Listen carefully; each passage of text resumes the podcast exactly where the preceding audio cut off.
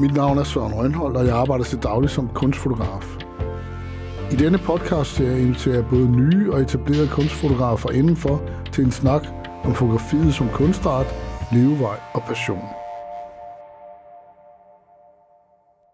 POV, det er en bog, som gjorde stort indtryk på mig. Og den bog, den, øh, den udkom i jeg tror, den udkom i 95 på Gyldendal og i 96 på Aperture. Ja. Så vidt jeg ved, så har der udgivet nogle bøger før den, men det var den bog, hvor jeg fik, jeg vidste godt, hvem du var, men det var ligesom et øksehug på en eller anden måde i dansk fotografi.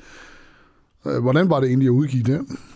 Det var fantastisk. Det var, øh, fordi jeg havde jo længe gået med en fornemmelse af, at, at de billeder, jeg havde, de levede ud over de situationer, de var taget i. Fordi jeg rejste jo lidt som de der fotojournalister. Jeg havde bare ikke noget medie.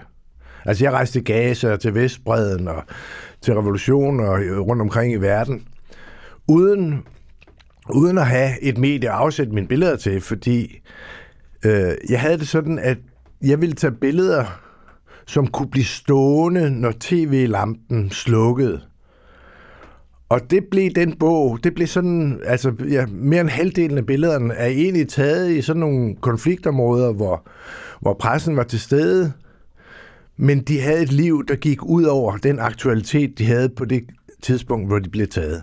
Men jeg har tit tænkt på med den bog, den har jo også været, det, det har også været pionerarbejde for dengang, hvor man jo ikke er vant til at se den slags udgivelser. Hvad, altså du må tænke meget over, altså helt taget det, at en rapporterende fotograf får en bog, det var en ny ting, som øh, var på så høj en standard. Men jeg synes egentlig ikke, det var, altså det var jo, den type bog var jo kendt fra udlandet, altså. Øh, Jamen ikke i Danmark, det nej, vi ikke nej, det var, nej, det var den ikke. Nej.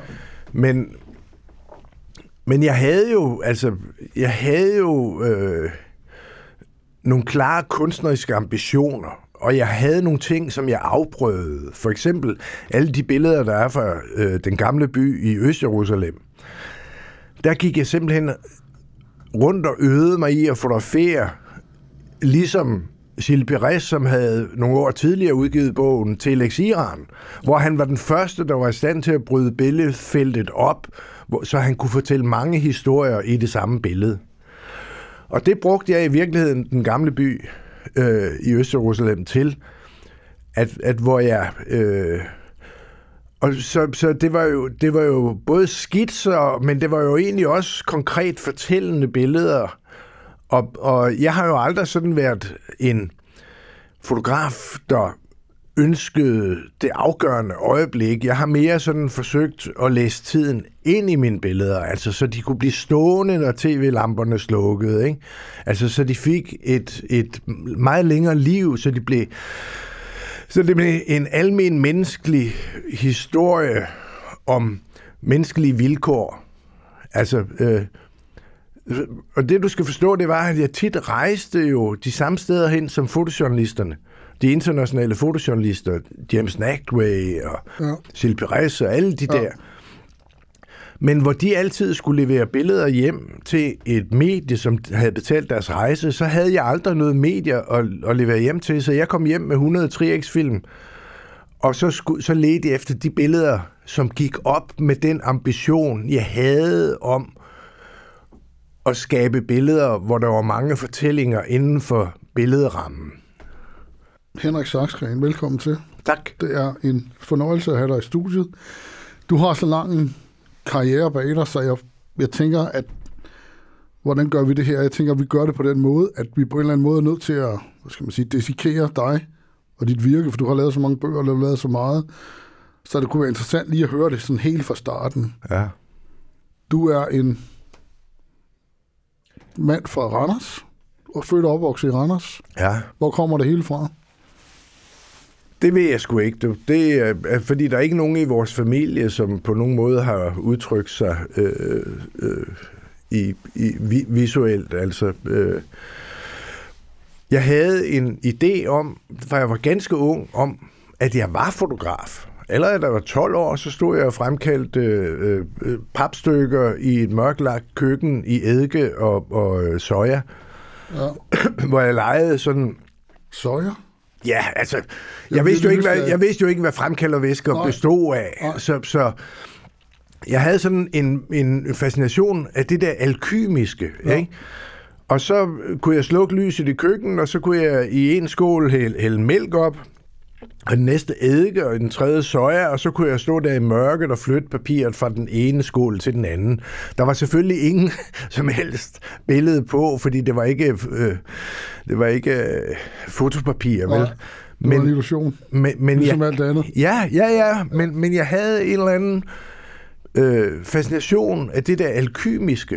Ja. Øh, hvorfor jeg, mine forældre så øh, fik meldt mig til et aftenskolekursus øh, med, med voksne mænd og voksne kvinder, som, øh, og det gik jeg til allerede som 14-15-årig. Ja. Så jeg har, jeg har haft, øh, jeg, jeg har haft en eller anden øh, ting. Ja. Men det er sjovt, nu snakker vi lige om POV. Ja.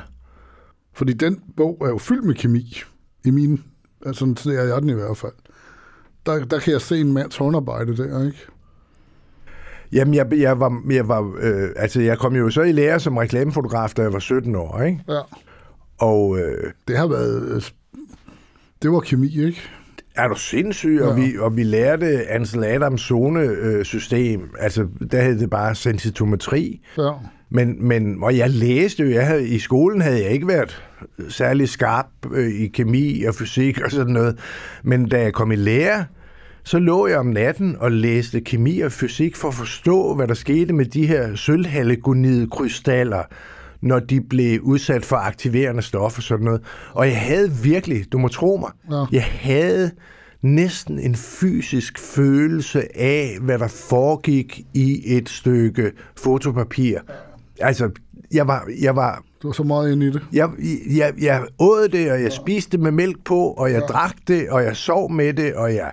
Altså, det, var- det var... Øh, og det der med at, at forstå den der... Øh, det der zonesystem, det der sensitometri, at, at øh, altså den første helt banale ting, det var, at den mester, jeg havde, han troede, at hvis man at, at hvis man havde fotograferet lidt lys, så skulle man bare fremkalde sin film lidt længere. Ikke? Han forstod ikke, at det eneste, der skete, når man fremkaldte en film længere, det var, at man øgede kontrasten. Der kom jo aldrig mere i skyggerne, hvis man fremkaldte længere. Så skulle man bruge nogle helt andre fremkaldere. Og det var alle de der ting, som jeg forstod meget, meget hurtigt. Altså, øh, og, og, og, det, og det har jeg brugt så resten af mit liv nu. Det er selvfølgelig ikke så relevant direkte med digital fotografi, Nej. men, men, men alle de der billeder, du har set i POV, de er Ja. jo taget på 3X. Ja. Øh, Der er mange ting at tale om her, men jeg bliver, jeg er nødt til at starte fra starten, tænker jeg. Altså, hvad, hvordan så din verden egentlig ud, da du var dreng og kom i lære? Hvad var det for en verden, du boede i? Hvor- Hvordan øh, var livet? øh, mine forældre hvor, øh, tog turen øh, med, med den øh, højkonjunktur, der startede der i 70'erne. Altså, da jeg blev født, boede vi i en toværelses lejlighed, fem mennesker, og vi sov i et værelse. Ikke? Ja. Min far var ekspedient, og min mor øh, arbejdede på kontor. Og, og, og vi havde altså, altså ingen penge. Øh, men så begyndte, øh, og jeg var jo barn der i slut 50, altså i 50'erne, ikke? Ja. Øh, så begyndte der at ske noget der i begyndelsen af 60'erne, og mine forældre kom ind i et lille konf- øh, konfektionsfirma, hvor min far blev første mand, og lige pludselig var der lidt flere penge, og så købte han det der firma, og så blev han faktisk manufakturfabrikant selv. Og i hele den der periode gik det jo fantastisk godt, og øh, vi fik sommerhus. Øh, Det var oppe i 60'erne. det var oppe i 60'erne, Ja. midt i 60'erne, ikke? Og ja. en lille bil, og... Ja. Og det levede jeg... Øh, nej, hør. Jeg, jeg var jo... For helvede, jeg var, jeg var jo eliteroer. Jeg, jeg trænede jo roning seks gange om ugen, Ja. og rodede internationale... sportsmand? Sportsmand. Jeg Ja. trænede i ja. seks gange om ugen. Øh, i fem år og rydde internationale regattaer på Bagsvær Sø og i Lübeck og, Ja. og øh, var i hammerende god form. Øh, og, og de to ting var jeg i stand til at kombinere. Så, så fik jeg sådan en øh, politisk vækkelse, fordi min bror, han holdt øh, et blad, der hed Politisk Revy, ja. hvor der begyndte at komme billeder fra Vietnam og Vietnamkrigen, som jeg jo så, selvom jeg kun var 13 år, så gjorde de indtryk på mig. Ja. Øh, Så jeg voksede langsomt op til at blive sådan meget politisk øh, engageret og meget øh, politisk insisterende. Ja. Øh, Og det skulle jeg kombinere med den der øh, karriere som, som, som roer, ikke? Ja. Øh, og jeg kan huske til øh, juniorverdensmesterskaberne i Montreal i, jeg tror det var 73, der stillede Chile op, Nå, ja. og Allende var lige blevet væltet i Chile af Pinochet. Ja. Og jeg skrev en seddel i omklædningsrum, hvor jeg skrev, go home Chile. Og der blev sat en kæmpe undersøgelse i gang i hele, hele organisationen for at finde ud af, hvem der havde skrevet det der politiske statement. Så jeg, havde, jeg lå og balancerede der mellem at, blive, altså, at kunne forene min politiske aktivisme med min, min øh, ro karriere. Ikke? Det er nogenlunde lidt det, der sker i dag. Sådan aktuelt om fodboldspillere må det ene og det andet. Ja, ja, men øh, ja. Ja. Men det er en anden snak. Hvordan kommer man i lære som reklamefotograf? Hvordan, øh, hvordan skete det? Altså, når man Det bor er i... en håndværkeruddannelse, ikke? Jo, når man bor i Randers, så er der to øh, lærepladser som øh, fotograf. Den ene er på avis, avisen. Øh, den fik Heine Petersen. Nå, Øh, og så var der en på reklamebureauet, og den fik jeg. ja. Øh, Så det er sådan en mesterlager. det er mesterlærer. Ja. ja. Og så kommer man på skolen, og det er jo lykkeligt for mig, fordi jeg havde en udlængsel, som var højere end Rundetårn. Ikke? Det var, jeg havde jo drømt om, at jeg skulle til København. Eller, men den eneste nationale uddannelse overhovedet, der lå i Randers, det var lige præcis fotografuddannelsen. Ja. Så jeg, jeg måtte blive boende hjemme i kælderen hos mine forældre. Til gengæld så gav det dig en billet til at komme ud i verden bagefter. Ja, ja, det må man sige. Ikke? Ja. Jeg er, bare, jeg er lidt nysgerrig, fordi det er også sådan lidt et tidsbillede, der er sjovt. Jeg, jeg, altså, det reklame, altså den form for reklamefotograf, du blev uddannet som, Ja. det findes jo ikke længere på samme måde længere. Det er nærmest noget, der er ved at forsvinde. Ja. Det har jo været et tungt job, ikke? Altså, det var, der var meget arbejde i fotografiet, ikke? Åh oh, ja, vi fotograferede kontormøbler og ja. højtryksrenser for, for Gerni Ja. ja. og øh, togvogne for Skandia og øh, Og udstyrspakken var formentlig enorm. øh, Lindhof 4-5 tommer, ikke? Ja. Øh, 4-5 tommer, det er et øh, stort, jeg vil lige fortælle til lytterne, hvad er en 4-5 tommer i grunden? det er et, et pladekamera, altså, Ja. eller, øh, altså negativet er simpelthen øh, over en- 9 gange 12 cm, ikke? Ja. Øh, men så har det nogle funktioner, så man kan rette styrtende linjer op, og man kan, man kan lægge skarpheden, så den ligger hen over hele billedet. Men det var, jeg synes, det var en vigtig, det var en, det var en vigtig, jeg er glad i dag, for jeg fik hele den der grunduddannelse i det alkymiske fotografi. Ja, fordi på skolen dengang var det jo virkelig et fag. Altså i dag har de jo nærmest svært ved at finde ud af, hvad de skal undervise dem i, ikke?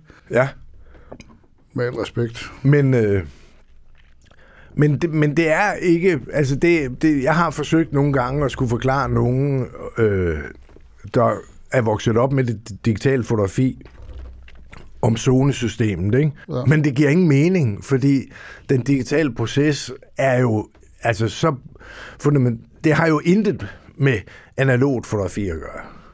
Altså selve, det, selve måden at frembringe et billede på. Nej.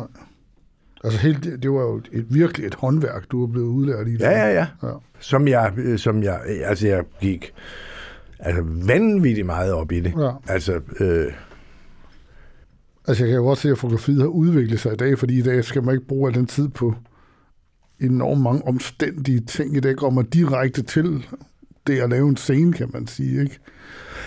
altså hvis vi havde taget et billede på atelieret i, i, øh, øh, på Fagdias film, ikke? Ja. så lå vi jo den opstilling stå, til vi kunne ringe til laboratoriet i København ja. næste morgen Hvor der kom en kliptest, sikkert og, også. og, og høre, om, om eksponeringen var rigtig. Altså, Ja. ja. der kigger man jo bare på displayet bag på kameraet, ikke? Men altså, jeg har også lidt tendens til at forhærlige det håndværk, der var engang, men jeg må også sige, at fotografiet i Danmark eller Europa eller hele verden har også udviklet sig helvedes meget på grund af letheden, der er kommet i det. At man ikke skal alt det der igennem. Jeg ved godt, det er lidt en diskussion, men altså, Jeg, jeg, jeg, jeg må sige, jeg kan altså, øh, jeg har fundet en, en min metode til at udnytte det digitale, så når jeg øh, er ude, så kan jeg prøve mine billeder af allerede om aftenen om natten, efter Jo. jo. jeg har taget dem. Ikke? Jo. Men før i tiden kunne jeg faktisk godt lide den der, at man samlede til bunke. Ikke? Altså hvis jeg havde været i Nicaragua i fire uger, ja, så kom jeg jo hjem med 120 3x-film. ja, Og den der glæde, der var, og skuffelse, ja. der var, når man stod der om natten og fremkaldte film og holdt dem op imod lyset og, Ja. ja. og glædede sig til at se de der billeder, man huskede Ja. ja. og troede på og stolede på. Og, ja. øh, altså, den glæde, der var Ja. ja. ved det, den er der jo, den, den kan du ikke finde tilsvarende i det digitale fotografi i dag. Og, og, og måske er der også sket det, at man måtte acceptere det, man havde formået at gøre på det givende tidspunkt, det, det var analog fotografi, og man først kunne se billedet, når det var fremkaldt. Ja. Øh, fordi i dag kigger du på, på displayet bag på kameraet Med det samme. med det samme, ja. og så korrigerer du Blænden og Ja, og- tankevirksomhed. Ja, og, og komposition og Ja, så videre, ja. ikke? Og det vil sige, at den der, de der fejl, der nødvendigvis måtte være, Ja. dem udrydder man. Og det er måske det, der gør, at fotografiet i dag bliver lidt for, lidt for perfekt, ikke? Ja. Jamen altså, øh, altså det er jo, altså, hvad, hvad tænker du? Altså du har jo også, øh, du er en af de, altså, jeg vil gerne over på et emne, som også omhandler dig, fordi der er meget, du er en af de få, som er kommet ud af reklamefotografiet og videre, hvor du ligesom fik en kunstnerisk udfoldelse i det, du gjorde.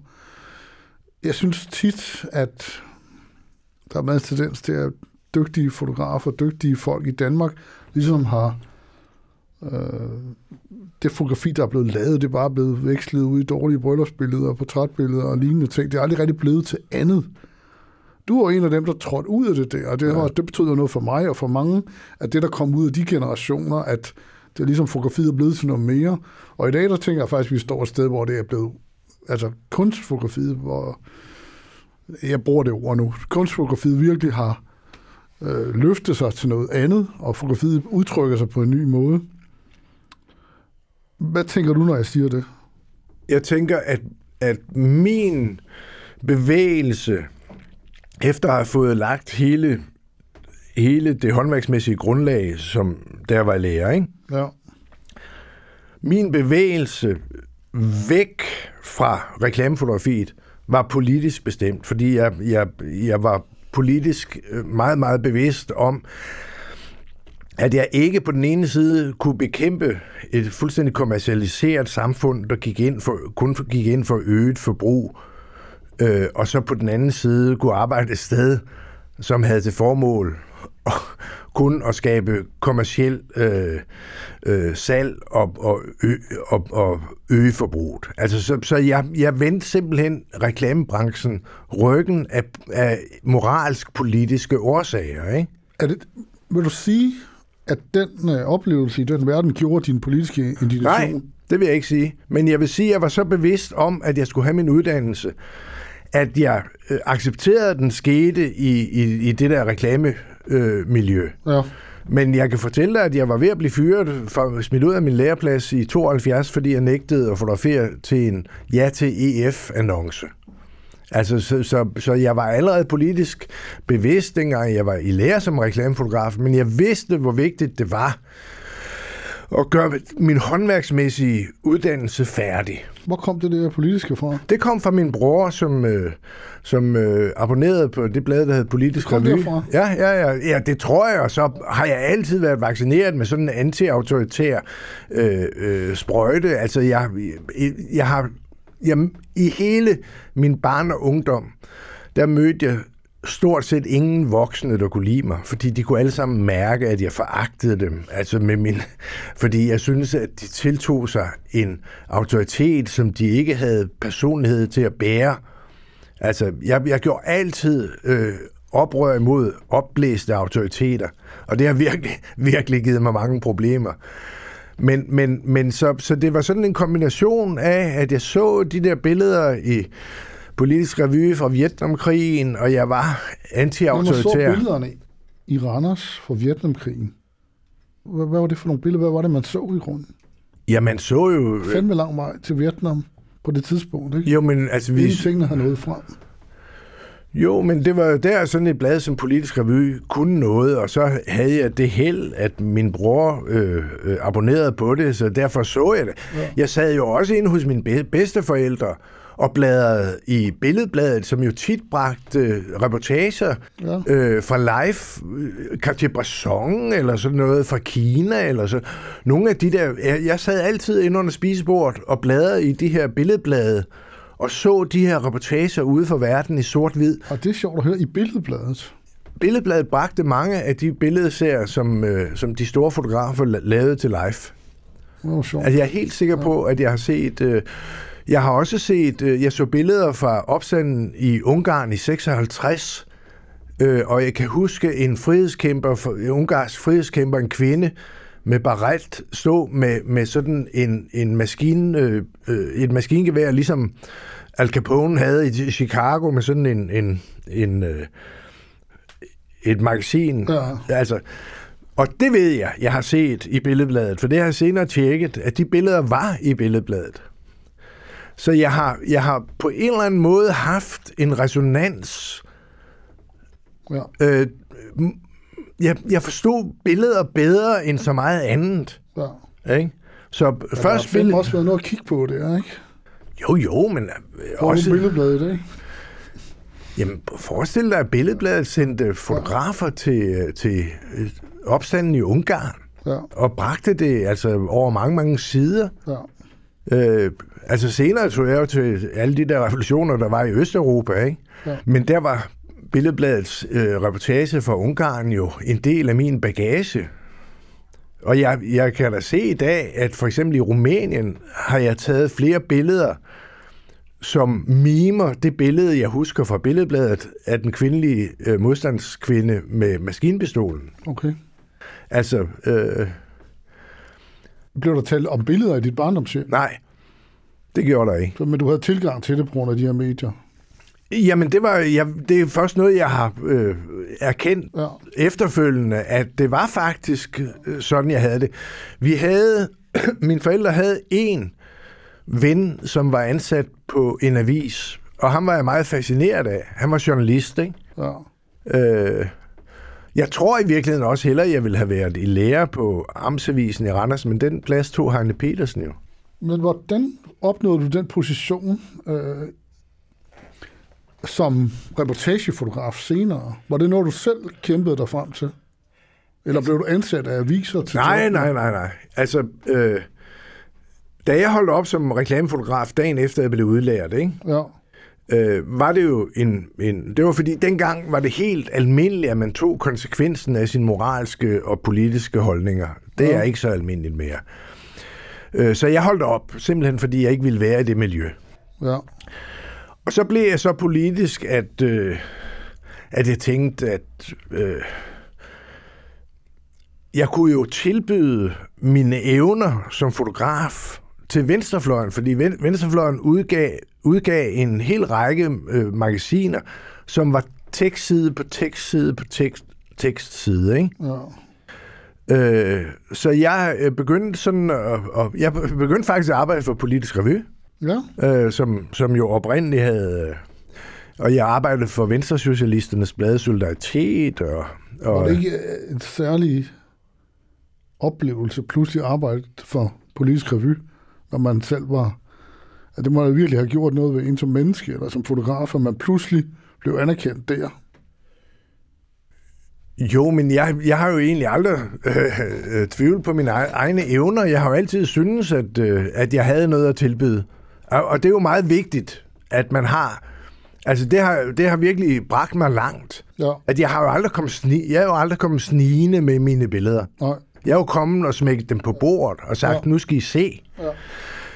Øh, så jeg har ikke haft den der øh, tilbageholdende attitude, og, og det har også bragt mig ind mange steder. ja. Hvad årstal er det her i?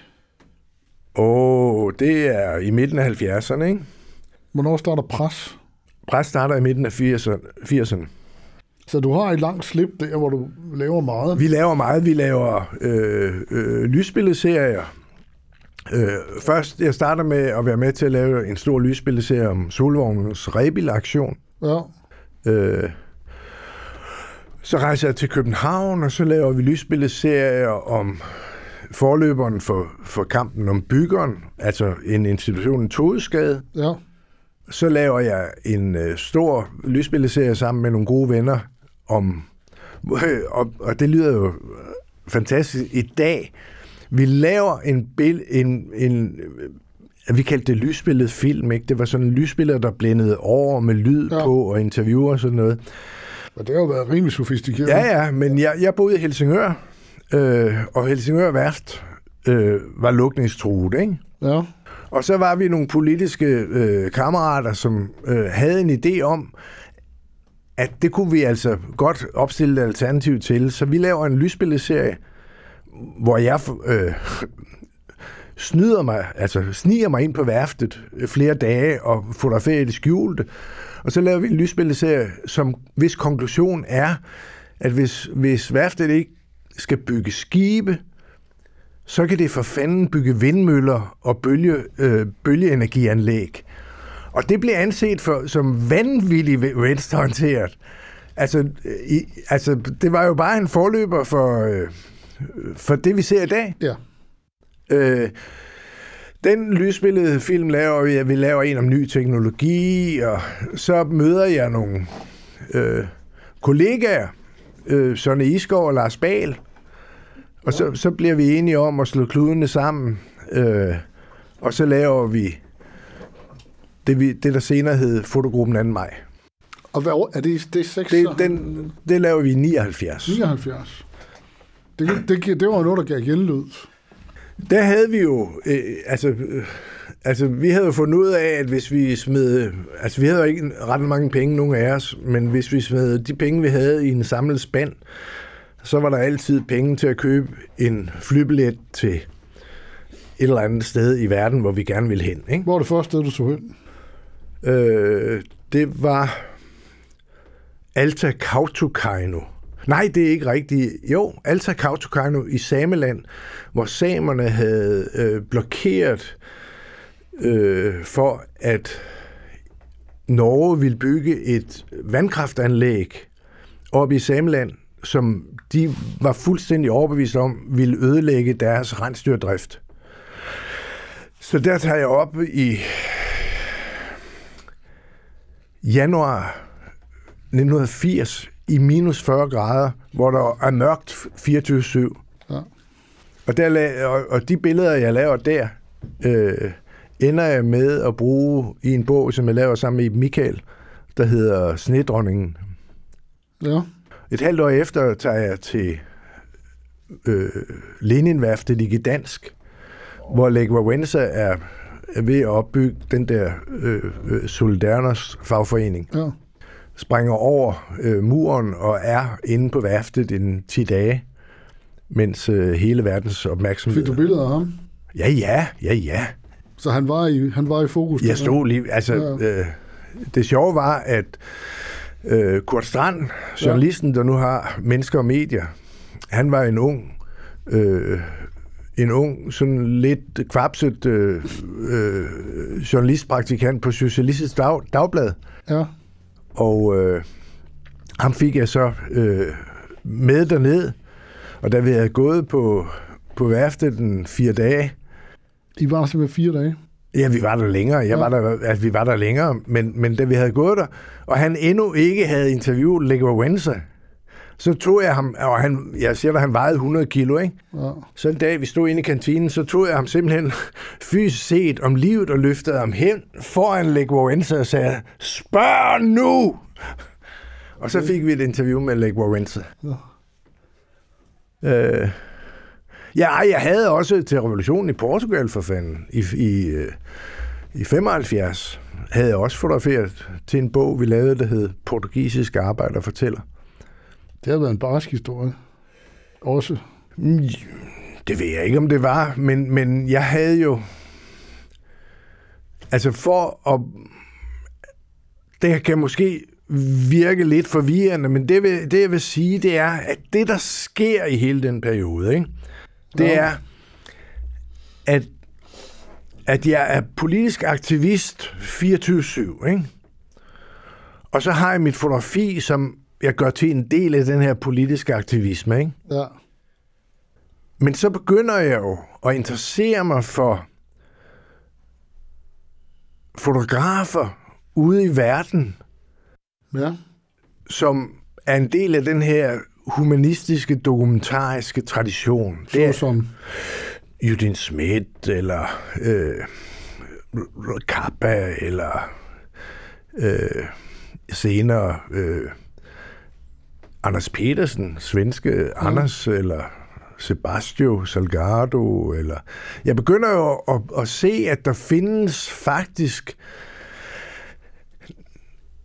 en, et, et samlende koncept, som både kan forene mit politiske engagement med min fotografiske ambition. Det er det, man i dag vil kalde aktivisme, ikke? Nej, jeg synes, før var det kun aktivisme. Så finder jeg ud af, at der faktisk er sådan en, et kunstnerisk rum inden for det humanistiske dokumentarfotografi, hvor de værdier, jeg havde i min politiske aktivisme, kunne forenes med en mere kunstnerisk ambition i mit fotografi.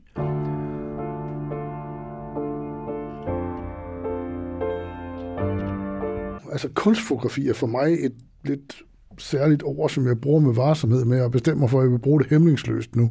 Fordi jeg har sådan en æresfrygt over for ja. det. Hvordan har du det med det?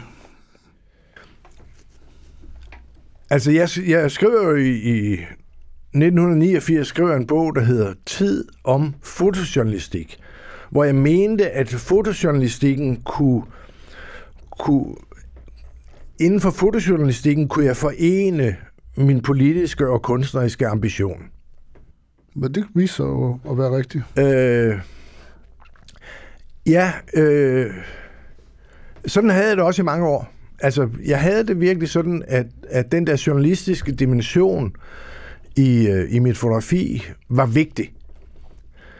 Den har jeg så efterfølgende fundet utilstrækkelig og fuldstændig smidt over bord. Det må lige forklare lidt bedre. Ja, jeg synes, den der måde at gå til, gå til tingene på, at man journalistisk gerne vil fortælle noget, det gjorde jeg i mange år. Altså, hvor man nærmest bruger sig selv som et medie. Er det sådan, det skal forstås? Nej, mere at man efterstræber en eller anden form for objektivitet, at Ja. man bilder sig selv og andre ind, at der er en en variant af den her historie, som er tættere på noget objektivt. Altså, hvor man, øh, hvor man tror, man kan... Hvor man tror, hvor man tror, at, der, at objektiviteten har en plads i fotografiet. Ja, men Ja. det, det var jo lige... Altså, det leder mig frem til pres. Det var nærmest det, der drev det blad meget bekendt, ikke? Altså det der, det, der leder frem til pres, det er jo, at jeg samtidig med, at vi laver fotogruppen anden maj, og, vi, øh, og jeg begynder at interessere mig for udenlandske øh, øh, fotografmiljøer, og får en større viden om fotografiet. Altså, øh, det gør jo, at jeg kan i begyndelsen sammen med nu afdøde Per Folker, Ja. at vi siger, vi bliver nødt til at nedbryde, vi nedbryde den her meget, meget provincielle reference, der styrer fotografiet i Danmark. Altså, Det, det her det er grusomt interessant. Jeg, kan du ikke konkretisere lidt mere på det? Altså, hvad, hvad mener du med det? jeg mener, at... Øh, Var det tilgangen?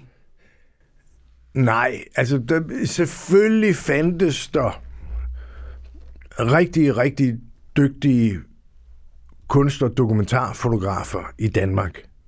Altså, der fandtes Kjell Helmer Petersen, der fandtes Kras Klemen, der fa- f- Delta-gruppen med Jesper Høm.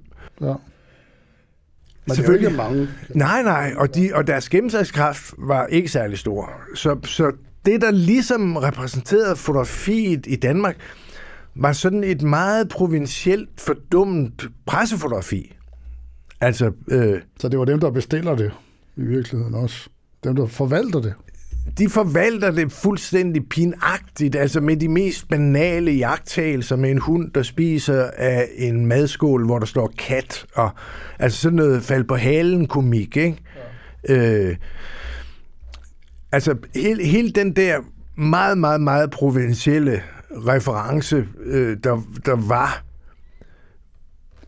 begynder Per Folker og mig at bryde ned med de første, øh, med de første billedserier, vi bringer i pres.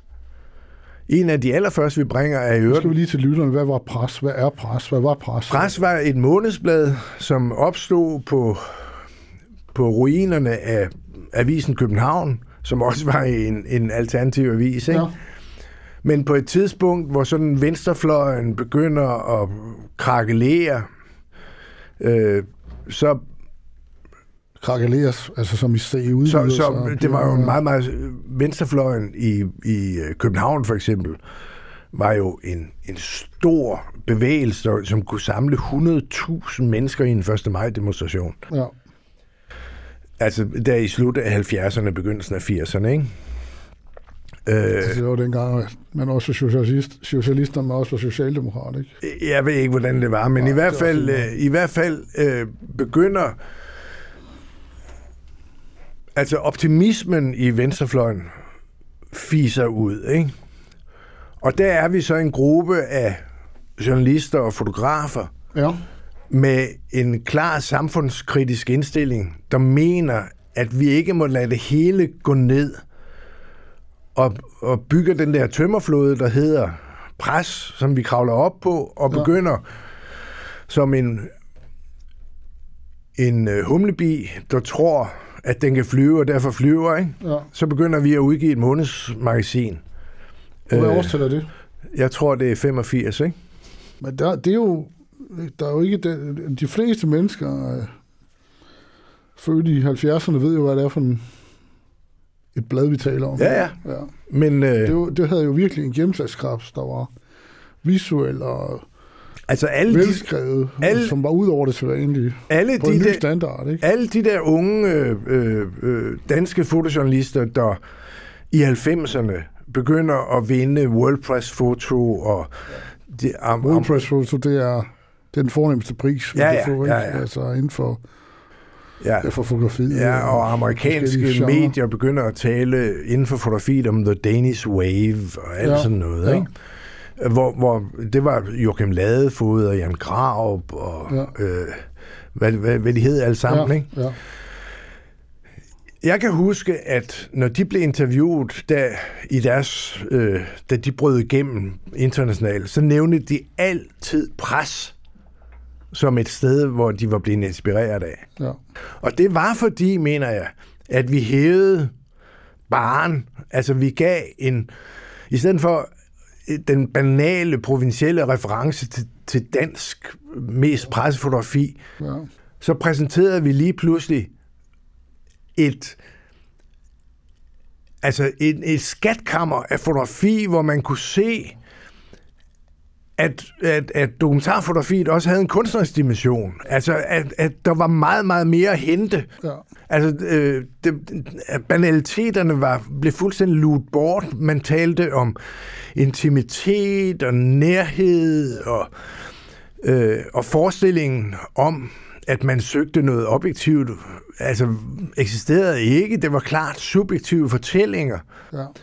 øh, hvor fotografen stillede sig selv til rådighed. Ikke? Ja. Og Men, det er også, for mig er det jo et øksehug, det der. Det er jo sådan i historiefortælling om dansk fotografi, at det er en af de meget vigtige. Jeg er helt sikker på, at, at det var, det, altså pres havde mange, mange forskellige måder at påvirke samfundsudviklingen på. Men når vi taler specifikt om fotografi, så, så var det presses billedserier, som de der unge fotografer refererede til, som havde ansporet dem til at, at hæve bar- baren, ikke? Jo, men det var også det, der var forlæg. Altså, jeg, jeg kan huske, at jeg gik på højskole i starten af 90'erne. Ja. Der var det også det. Der var det Erik Van Løre og Øjvind Næsler, der kom og fortalte det. Og, altså, det var jo vidt og bredt, øh, så, så meget det gjorde. Men altså, hvis du tænker på, altså vi viste, den første billedserie, vi viste, var Morten Bo's Kalkværket. Kalkværket. Ja. ja. Øh, og så begyndte vi at, at så begyndte vi at gå udenlands og viste Anders Petersen, altså Café Lemits. Og, Anders Petersen, jeg, har, jeg vil jo gerne have, at lytterne lige ved, hvem det er også. jamen, det er bare den største øh, dokumentarist, øh, fotokunstner i... Altså, han udstiller sammen med øh, Robert Frank, og Så han er en af de meget store. han er en af de tunge, ikke? Ja. Og han, øh, altså, han er jo også... Øh, altså, hans mest kendte bog, det er mig bekendt Café Limit. Ikke? Ja. ja. Det viser vi, og så viser vi hans bog Fængelse, og så begynder vi at, at, at orientere os mod Frankrig, og viser Det Pardon, og vi viser øh, William Klein, og vi øh, går over Atlanten og, og viser Sally Mann og Robert Mapplethorpe. Og, ja. øh, så, så vi var virkelig om os. Ja. Ikke? Det har betydet meget for mange. Ja. Øh, ja, tak for det. ja, velbekomme. Det var jo store ting, men altså... Men Henrik, nu, altså... Pres, det er ligesom et kapitel. Øh, og det slutter jo så også alt godt har han, ikke? Det, jeg er billedredaktør fra 85 til 91. Ja. Seks år. Ja. Og så, det, det, så, hvad sker der så? Øh, så den kerne, der var, Erik Valøre og Morten Bohr og øh, hvad de hedder alle sammen, vi holder op. Og så giver vi stafetten videre til en yngre generation. Ja. Øh, ja, og så, så ender det med, at, at, at den sidste, der får faklen, forsøger at lave det til sådan en kommersielt glitteret magasin, hvor, hvor journalister og fotografer kan få løn, og det kan det ikke bære. Så Det kunne ikke være. Det, det var, nej, vi fik jo ingen løn. Altså, der var... Altså, Ja. Okay. Hvad sker der så med dit virke efter det? Ja, så begynder jeg jo... Øh, så begynder jeg at lave bøger. Ja. Ikke? Altså, som direkte øh, konsekvens af de billedserier, jeg havde bragt i pres, så bliver jeg opfordret af Dansk Lærerforeningens forlag øh, om at skrive en bog øh, om fotografi. Ja. Og øh, det vil jeg gerne. Og så bygger jeg den op om tre interview. Et med Anders Petersen, et med Sebastian Salgado og et med øh, Mariel Mark. Og så skriver jeg om fotografiets historie. Og, og øh, den bog, fordi den er, det er på Dansk Lærerforeningens forlag, så kommer den i 12.000 eksemplarer. Ja. Så den står jo på alle dansklærer, øh, dansk, dansklærers reoler rundt omkring i Danmark. Ja. Øh, og det var sådan den første, øh, Kan man stadig få fat i den bog? nej, antikvarisk kan du, Ja. ja. men den har været udsolgt i mange, mange Jeg år. har kun set den en Ja, gang. ja, ja. Øh, men det gav mig mod, blod på tanden med at lave bøger. ja. Øh, det var også en ambition, jeg havde haft længe, men det var første gang, det lykkedes. Og så er det, jeg begynder øh, at lave det der arbejde, der ender med POV, øh, som kommer på Gyldendal i 95 og på Aperture i 96. Hvor lang tid var du om at lave POE? Jamen, jeg arbejdede jo ikke på den som en bog på den måde. Jeg, jeg, jeg, jeg, Og det er egentlig også det, der er det pragtfulde ved den, synes ja, jeg. ja, ja. Altså også, om din håndtering af mennesker, den bog, jeg vil sige, det er sådan et, det er nærmest et, øh, altså man ser jo også en dansk kulturarv, det er også et tidsbillede i dag, altså, som jeg ikke havde regnet med, at den skulle blive. Det er et dokument over noget, som også var, Men jeg er, så sikker, derfor får den jo lov at leve stadigvæk.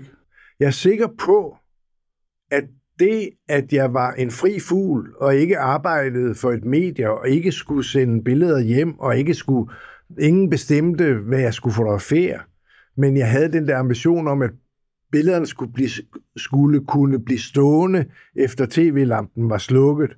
Så det var også det, der gjorde, at du kunne rulle det ud i virkeligheden. Ja, Ja. og jeg husker stadigvæk, da vi går rundt, det er nu efterfølgende, men det er bare et godt eksempel, vi går rundt, øh, Kras Clement og Carsten Ingemann og mig øh, går rundt i, i Moskva øh, i forbindelse med kuppen mod Gorbachev, og pludselig så siger Carsten Ingemann, vi er knap nok begyndt at fotografere, så skal han hjem, fordi han skal hjem og fremkalde film, som han skal sælge, sende til Jyllandsposten, fordi han var udsendt af Jyllandsposten. Ja. Og vi andre, øh, vi er knap nok begyndt at fotografere. Altså, så, så den der måde at bare være til stede i, en, i et sted, hvor magtstrukturen er faldet sammen, og der er et politisk vakuum, og du kan gå ind alle steder, og øh, der er en frihed fuldstændig. Det er jo, det er jo der, det er jo der, de der ekstraordinære billeder kan opstå. Hvorfor vil man ikke have det længere? Hvad mener du? Hvorfor, hvorfor kan man ikke det længere? Jeg forstår ikke spørgsmålet. Hvad kan man ikke længere? Hvorfor kan man ikke gøre det længere? Det kan man vel også, hvis man selv gør det, men det er ligesom om, der ikke er nogen, der ønsker at trykke det. Jeg ved godt, det er lidt et... Det er jo ikke meningen lige at stoppe den, men altså, det er bare, jeg synes, det er et relevant spørgsmål for det her. Ej, men det du skal forstå, det er, at det kræver jo, at du organiserer dig på en måde, hvor du skaber de både økonomiske og praktiske forudsætninger for det. Ja, Og vi havde jo lavet fotogruppen 2. maj, ja, og den havde som opgave, at dem, der arbejdede derhjemme, skulle tjene penge til dem, der arbejdede ude i verden. Ikke? Så, så når jeg gik rundt, og Sisasi gik rundt i Moskva, øh, så var der jo nogen i studiestrædet, hvor vores bureau lå, ja. Som modtog de film, eventuelt vi sendte hjem, eller som lavede job for øh, fagbladet og, og hvad der ellers var, Ja. og tjene penge. For det var jo he- hele den der organisering, der handlede om at skabe en organisation, som havde råd til at have folk til at hente billeder hjem fra områder af verden, som vi synes var vigtige at præsentere for en dansk offentlighed. ja det er et godt svar. Ja, ikke? Men hvorfor laver man ikke det forum længere? Altså, hvorfor gør politikken Fordi- ikke det længere? for- er det ikke, kan, man, kan det ikke betale sig? Jo, politikens fotografer rejser der også ud og sådan noget, men de har bare et medie, som kræver en ganske bestemt ting af dem. Ja. Altså, øh, altså vi, jeg, jeg havde jo ikke nogen, jeg skulle jo ikke lave noget, noget bestemt, jeg skulle bare lave øh, det, jeg selv oplevede som gode billeder. Ja. Altså det er klart, hvis du styrer dig et medie med en deadline og en, ja, det er det, du forklarer med Carsten Ingemann. Ja, altså, ja, det, er det, ja. sker, ja. altså, Det er gode svar. Så, øh, så det kræver jo, at man, at man forstår, at man må skabe nogle rammer, under hvilke man kan udfolde sig. Ja. Og hvis man insisterer på at være fuldstændig individuel og, og, øh, og ikke, ikke, øh, ikke samarbejde med nogen om det, om det, man vil realisere, så kan man jo ikke gøre de her ting. Så, så er, bliver det jo pengene, der styrer, hvad man laver. Ja. Det handler om at skabe omstændigheder, under hvilke du kan arbejde op- optimalt med din egen vision. Henrik, hvad har det været det sværeste for dig i alt det her at forholde på i din karriere?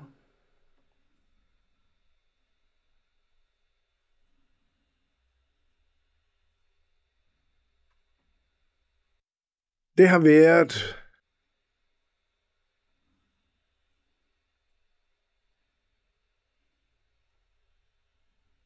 at skabe de omstændigheder, der skulle til, for at jeg kunne udfolde mig optimalt. Øh, fordi den struktur, vi havde i fotogruppen 2. maj, den lukkede vi jo i 95, ikke?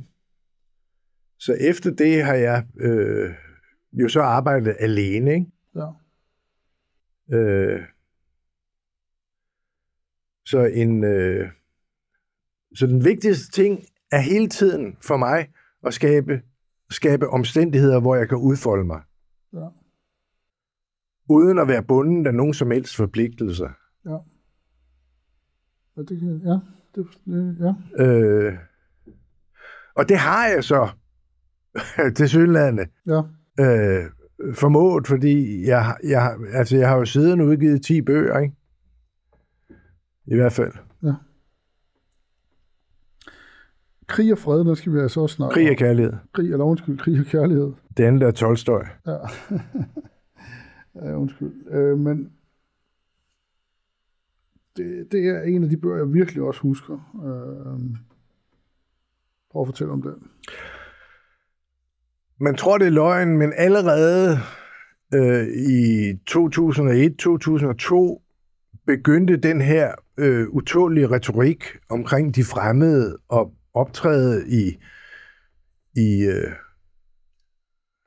altså ble, den blev simpelthen bragt hjem i vores stue, hvor man før skammede sig og, og viskede om, øh, altså sådan noget halvracistisk, i hvert fald fremmedfjendtligt, øh, så Pia Kærsgaard og Dansk Folkeparti blev pludselig interviewet i tv, og de begyndte at sige de der ord om, om, om, om muslimerne, som formerede sig som rotter, og øh, altså alt det der, som man i 90'erne ikke kunne sige, det blev lige pludselig det blev lige pludselig bragt ind i vores stuer, fordi der faldt en barriere. Ja, Glistrup han banede vel også vejen. Jo, jo, men, men, men, men trods alt mere på en mere karikeret måde, ikke? Ja. Øh, for, også fordi han var en særling. Ja. Altså, Dansk Folkeparti var jo... Øh, men det, jeg vil sige, det er, at jeg, jeg blev jo chokeret, da jeg opdagede retorikkens betydning for, hvad folk så efterfølgende tillod sig at sige.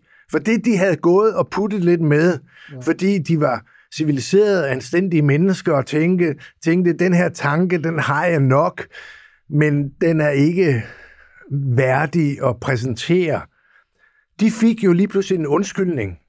Fordi når Pia Kærsgaard kunne sige det fra, fra Folketingets talerstol, eller fra TV-avisens studie, så kunne de jo også sige det. Så der blev åbnet en ladeport, hvor folk, der havde forsøgt at kontrollere de der dårlige... Vi er jo alle sammen født, født med en angst for noget fremmed. Og, og det at være et civiliseret menneske, det er jo ligesom at disciplinere, disciplinere sig selv og sige, at alle er lige, og vi må give plads til alle.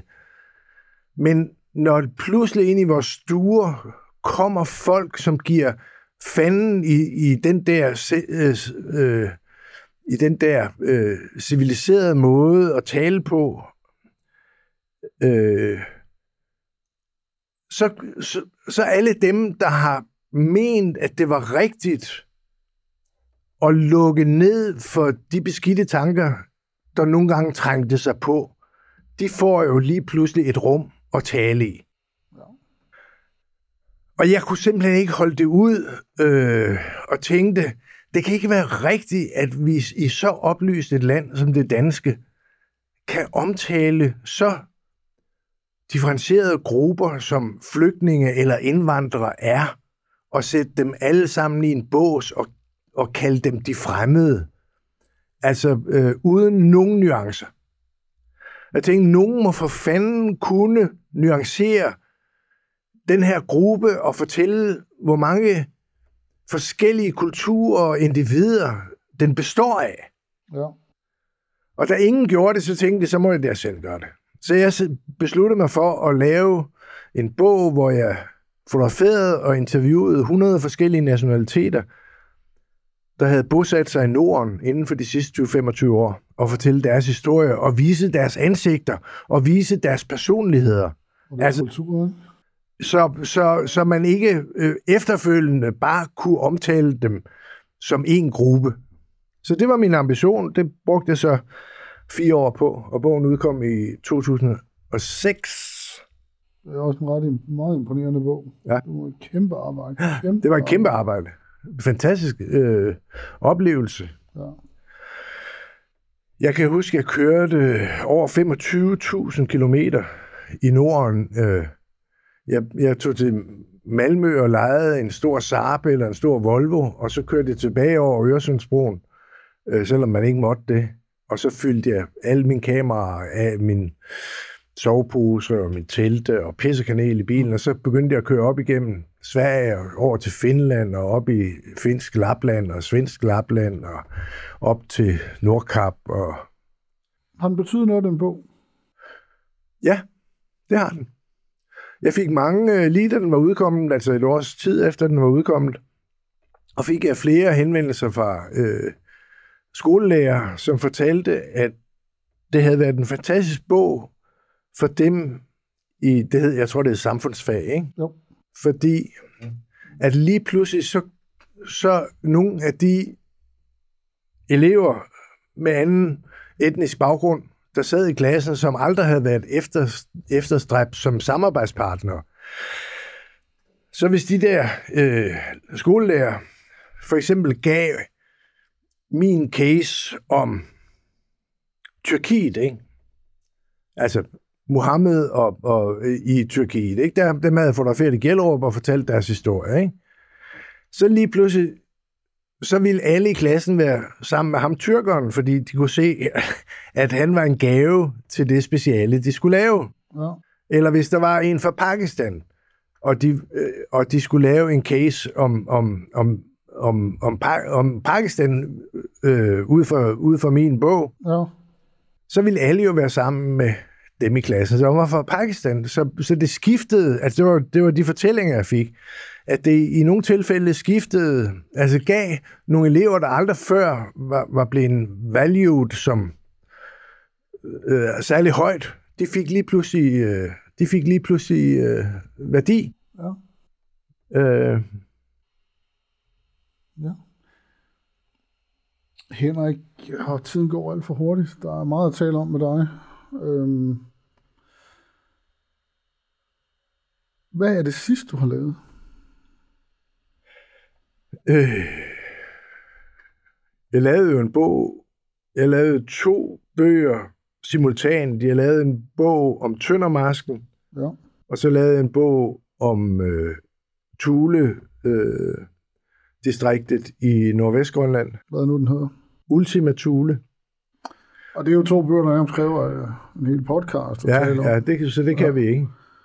Men altså, jeg, synes, det er øh, meget vigtigt at nævne dem. Øhm, for for mig, set med mine øjne, så virker det også som om, det er et nyt kapitel for dig. Det er det også. En ny tilgang. Ja, ja. Ja. Øh, altså lige nu, altså nu ved jeg ikke, hvornår det her, den her podcast bliver sendt, men kommer i starten af september. Slutningen af september, Ja. undskyld. øh, 2020. altså øh, hele sommeren har jeg udstillet billederne på Johannes Larsen Museet i Katmanden, ikke? Ja. Til jul skal de til Silkeborg Bad. Hvad hedder den? Den hedder Fra? Tønder til Thule. Ja. Til jul skal udstillingen op på Silkeborg Bad, Ja. og den 17. april åbner den på Sofienholm, hvor jeg jo tidligere har udstillet Ultima Thule, ja. Men på grund af corona lockdown, ja. Så blev den lukket efter 14 dage, så de har så bedt om at få lov og måtte udstille den igen. ja. Og så arbejder jeg helt aktuelt på en øh, bog om den danske vestkyst øh, med den skønlitterære forfatter Dorten Nors. Nors. Nors, ja. hvornår, øh, hvornår forventer du det færdigt? Øh, bogen skal udkomme den 7. maj næste år, og så skal jeg i efteråret i- 21 have en stor udstilling på Hart i Herning. Det er noget et program. Ja. Henrik, det er meget spændende at høre dig fortælle, og jeg kan også godt lide, at vi har fået dissekeret de her ting, for jeg tror, det er sgu rart at få opfriske hukommelsen med, hvordan historien egentlig er. Og øhm, set, for, set og hørt med din mund. Øhm, tak fordi du kom. Det var så lidt. Nu snakker vi jo kun fortid. Næsten. Nu har vi lige fået lidt fremtid også jo. Ganske lidt, Ja. ja. ja. Øhm, det kan være, at vi skal gøre det en gang til, men øh, tak for det, Henrik, og held og lykke med det hele. Tak fordi jeg måtte komme. Tak. Tak til min gæst, og tak fordi du lyttede med til ISO 600. Programmet er sponsoreret af Mathias Bager, Print og Retouche. På gensyn.